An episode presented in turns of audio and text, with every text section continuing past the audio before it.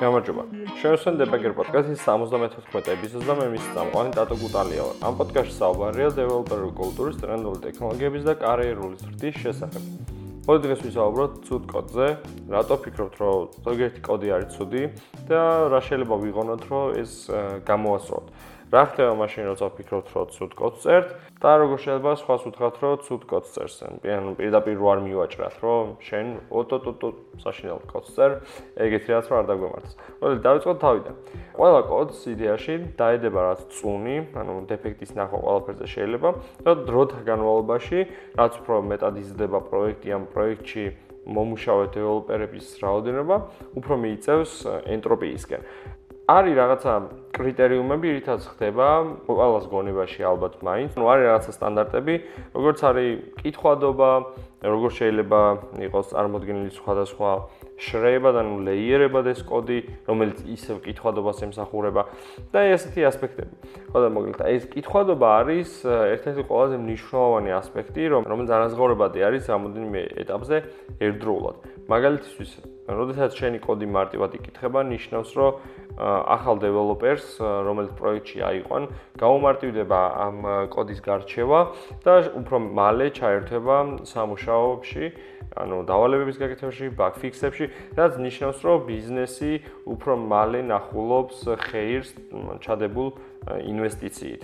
რაც ამ დეველოპერში გაიღო. მარტივი კოდი, მარტივად კითხვადი კოდი უბრალოდ ასევე ნიშნავს, რომ მომავალში, როდესაც რაღაცის დამატება მოგიწევს, რაღაცის შეცვლა მოგიწევს, უფრო მარტივია ის მთელი კონტექსტი აღიდგინო და ეს კოგნიტური დატვირთვა ნაკლები იყო შენს გონებაზე, რაც მეორე მხრივ ნიშნავს, რომ უფრო მალე აკეთებ დავალებას, ეს ისევ ბიზნესის არის დამატებითი ფული, რომ მალე რაღაცა პროდუქტი აეწყოს და გავიდეს ბაზარზე, რომ მეტი ფული მიიღოს და შემდგომ ისე უკეთესი ფუნქციონალი შესთავაზოს მომხმარებლებს. ანუ ერთ-ერთი მნიშვნელოვანი კრიტერიუმი არის კითხვადობა. ხო და ეხლა რატო არის ცუდი კოდი? ცუდი კოდის ერთ-ერთი პრობლემა ის, რომ კითხვადი არ არის. ხო მარტივია რა, ერთი მეორედან გამოდის. მოდი ახლა ჩავშალოთ ცოტა უფრო ხმად. ხო და კითხვადობას კიდევ გამომიერებ, რატო არის მნიშვნელოვანი კრიტერიუმი, იმიტომ რომ თუნდაც ერთი დეველოპერი იყო პროექტზე, 6 თვის მერე, 1 წლის მერე, ანუ 6 თვეც რადგინ და 2 თვის მერე, მთელი კოდი არ გემახსოვრება სადრა წერია, ხო? მთელი კოდ ბეიზი და გჭირდება რომ ჩახედო და რაღაც განიახლო ცოტა. ამიტომ კითხვადობა ისევ მნიშვნელოვანი კრიტერიუმია. ხო და რა ხდება მაშინ, როდესაც ვფიქრობთ, რომ ცუდ კოდს წერთ? უნდა შევეგუოთ იმაზრს, რომ ჩვენი კოდი არასდროს არ იქნება სრულყოფილი და ყოველთვის უნდა უბრალოდ მივიწიოთ იმ სასურველი ნიშნულისკენ, რაც ჩვენ გონებაში გვაქვს, რომ ეს არის კარგი კოდი. ამაზე გვისაუბრია ბერჯერ ჩვენი პოდკასტის ჭრილში, მაგრამ მას ნიშნავს კარგი კოდი. კარგი კოდი არის, რომელსაც არ ჭირდება კომენტარები. ტესტვადი არის, ძალიან კარგად აქვს ეს კითხვადობის კრიტერიუმი დაალაგებული. სულადები ნორმალური სახელით არის ფუნქციები გარკვევით არის ნაწერი არ არის გრძელი. ასევე გვაქვს ძალიან აშკარად გამოყოფილი როლები და დაცული არის solid principi კოდში. ანუ არ გვაქვს ეს to do კომენტარი და რაღაცები აქა-იქ მოყრილი და ეს ყველაფერი ასე ვთქვათ მოსუფთავებულია და სანიტარულ ნორმებშია მოქცეული. აი ამ ზედაპირული კრიტერიუმების შეჯამებით ვამბობთ რომ რაღაცა კოდი შესაძლოა მეორეზე უკეთესი იყოს. ამ პირიქით ანუ შეგვიძლია უკვე რაღაცა შეფასებაზე მივიდეთ. ხო და თუ ხვდებით რომ ცუდ კოდს წერთ, ანუ ვარიანტია რომ უფრო მეტად გავააქტიუროთ ის მხარე, სადაც ჩვენ მოგვიწევს ხვისი უცნობი კოდის კითხვა.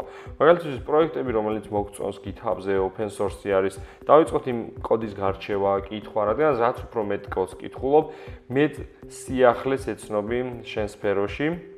და სხვა სხვა მეთოდიკას. მუდმივად შენი კოდი თუ იკითხე, ნიშნავს, რომ ერთი და იგივე ადგილს ტკეპნი და ყოველთვის მიმდინარე მდგომარეობაში რა ისი შესაძლებლობა, ისი წერის შესაძლებლობაც გაქვს.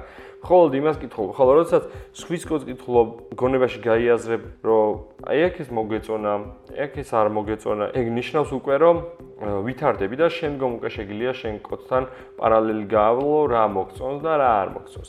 აი ეს არის სწორი განვითარების გეგმა, რადგან ისევ ხელახლა ვიტყვი, რომ ჩვენ დეველოპერები დროის უმეტეს ნაწილს ვატარებთ კოდის კითხვაში და არა კოდის წერაში. ამიტომ როგორც ჩვენთვის არის ქართული ენის მოთხრობის წაკითხვა ძალიან მარტივი, ან რაც ინგლისურად ამის სტატიის წაკითხვა, კოდის კითხვაც ნებისმიერ უცხო პროექტშიც მსგავსად მარტივი უნდა იყოს. და რადგანაც არის ისეთი კოდები, რომლებიც კოდები რაც უნდა თქვი, არის ისეთი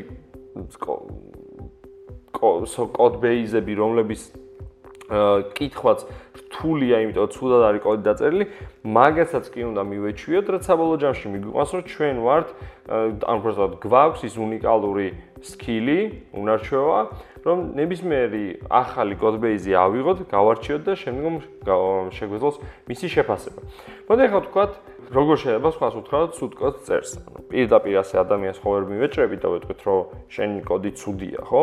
ანუ არის რაღაცა ნორმის ფარგლები, რომ სადაც შეგვიძლია რომ გავაკეთოთ ამ კოდის რევიუ. თალკე არის ეპიზოდი კოდ რევიუზე, რამოდენიმე ეპიზოდის უკან იყო და დავლინკავ აუცილებლად და ასევე უკავშირზე, როგორ შეიძლება უკავშირის მიღება, გაცემა და ნებისმიერი უკავშირი ცუდიც და კარგიც რომ ჩვენთვის რეალურად ზრდის მოტივი არის და მაინც სასარგებლო უკავშირად შეიძლება მივიღოთ, აი ამ ეპიზოდსაც დავლინკავ. რომელიც ალბათ დაგეხმარებათ, რომ აღიქვათ მეორე მხარე, როცა თქვენ გიკეთებენ შენიშვნა სადაც კოდზე. ფორმულა ასეთი არის, რომ ვიყოთ თავაზიანები, როცა კოდ რევიუს ვაკეთებთ, ნაცვლად იმისა, რომ უთხრათ რომ აი აქ ეს რატო გიწერია, ეს არის ძალიან ცუდი. ხო? შეიძლება ვთქვა რომ აი აქ ალბათ აი ასე შევცვლიდი, უკეთესად გამოვიდოთ და და შევთავაზოთ კონკრეტული გადაწყვეტა, რაც თუ არ მოგწონს, ჰაერზე არ ვთქვათ რომ აი ეს არ მოგწონს, ხო? შევთავაზოთ რომ აი ამას უკეთესად გავაკეთებდი ასე. აა უფრო სპეციფიურები ვიყოთ, რომ აი აქ არის კონკრეტულად პრობლემა, რომელიც მე მაწუხებს და მინდა რომ შეიცვალოს არ მომწონს ამი ამ სვადის სახელი არ მომწონს რომ აი კლას აქ რა დამატებითი მოვალეობა და მოდი ხომ არ შეგვეცვალა ასე რომ ეს გაგვეტანა ცალკე რაღაცა კლასში და ეს დაგვეხმარებოდა რომ უფრო მეტად კითხვადი კოდი შეგვენარჩუნებინა. იდეაში აი ეს არის ძალიან მარტივი ფორმულა არის რომელსაც არ ვიცი რატომ ჭირდებათ ადამიანებს ასე ხშირად განმეორება და ასე ხშირად რატო ვარღვევთ აი ამ ფორმულას თუმცა ეს არის ის მიმართულება, სადაც თქვენ გუნდელებთან არ მოგივათ კონფლიქტი და ყოველთვის დიდი იმედი მაქვს, რომ ყოველთვის მისაღები იქნება თქვენი შეფასება ნებისმიერ კოდზე. ხო და საბოლოოდ რო შევაჯამოთ, ყველა წერთ რაღაც ეტაპზე ცუდ კოდს, განსაკუთრებით ჩვენი კარიერის დასაწყის ეტაპზე და ეხლაც ერთი წლის მერე ჩემს დღევანდელ ნაწილ კოდზე დარწმუნებულ ვიტყვი რომ რაღაცები ცუდია და არ მოწონს. ამიტომ ყველამ შევხედოთ ასე თქვა ღია გონებით ამ ყველაფერს. ვთქვათ რომ ყველა კოდბეიზი მიმართული არის რომ ენტროპიისკენ და ჩვენ უბრალოდ უნდა ვეცადოთ რომ ეს სვლა შევანელოთ და რაც შეიძლება უფრო მეტად სანიტარული ასე ვთქვათ დასუფთავების მიდგომა გქონდეს კოდბეისზე. მოგლოდ დღესთვის უ ეს იყო, თუ რაიმე საინტერესო მეთოდი გაქვთ ცუდ კოდთან მიმართებაში, ან თუ რაიმე თქვა გამოჩა, კომენტარებში შემეხმიანეთ და შეგვიძლია დისკუსია გავმართოთ. დღესთვის უ ეს იყო, ნახვამდის.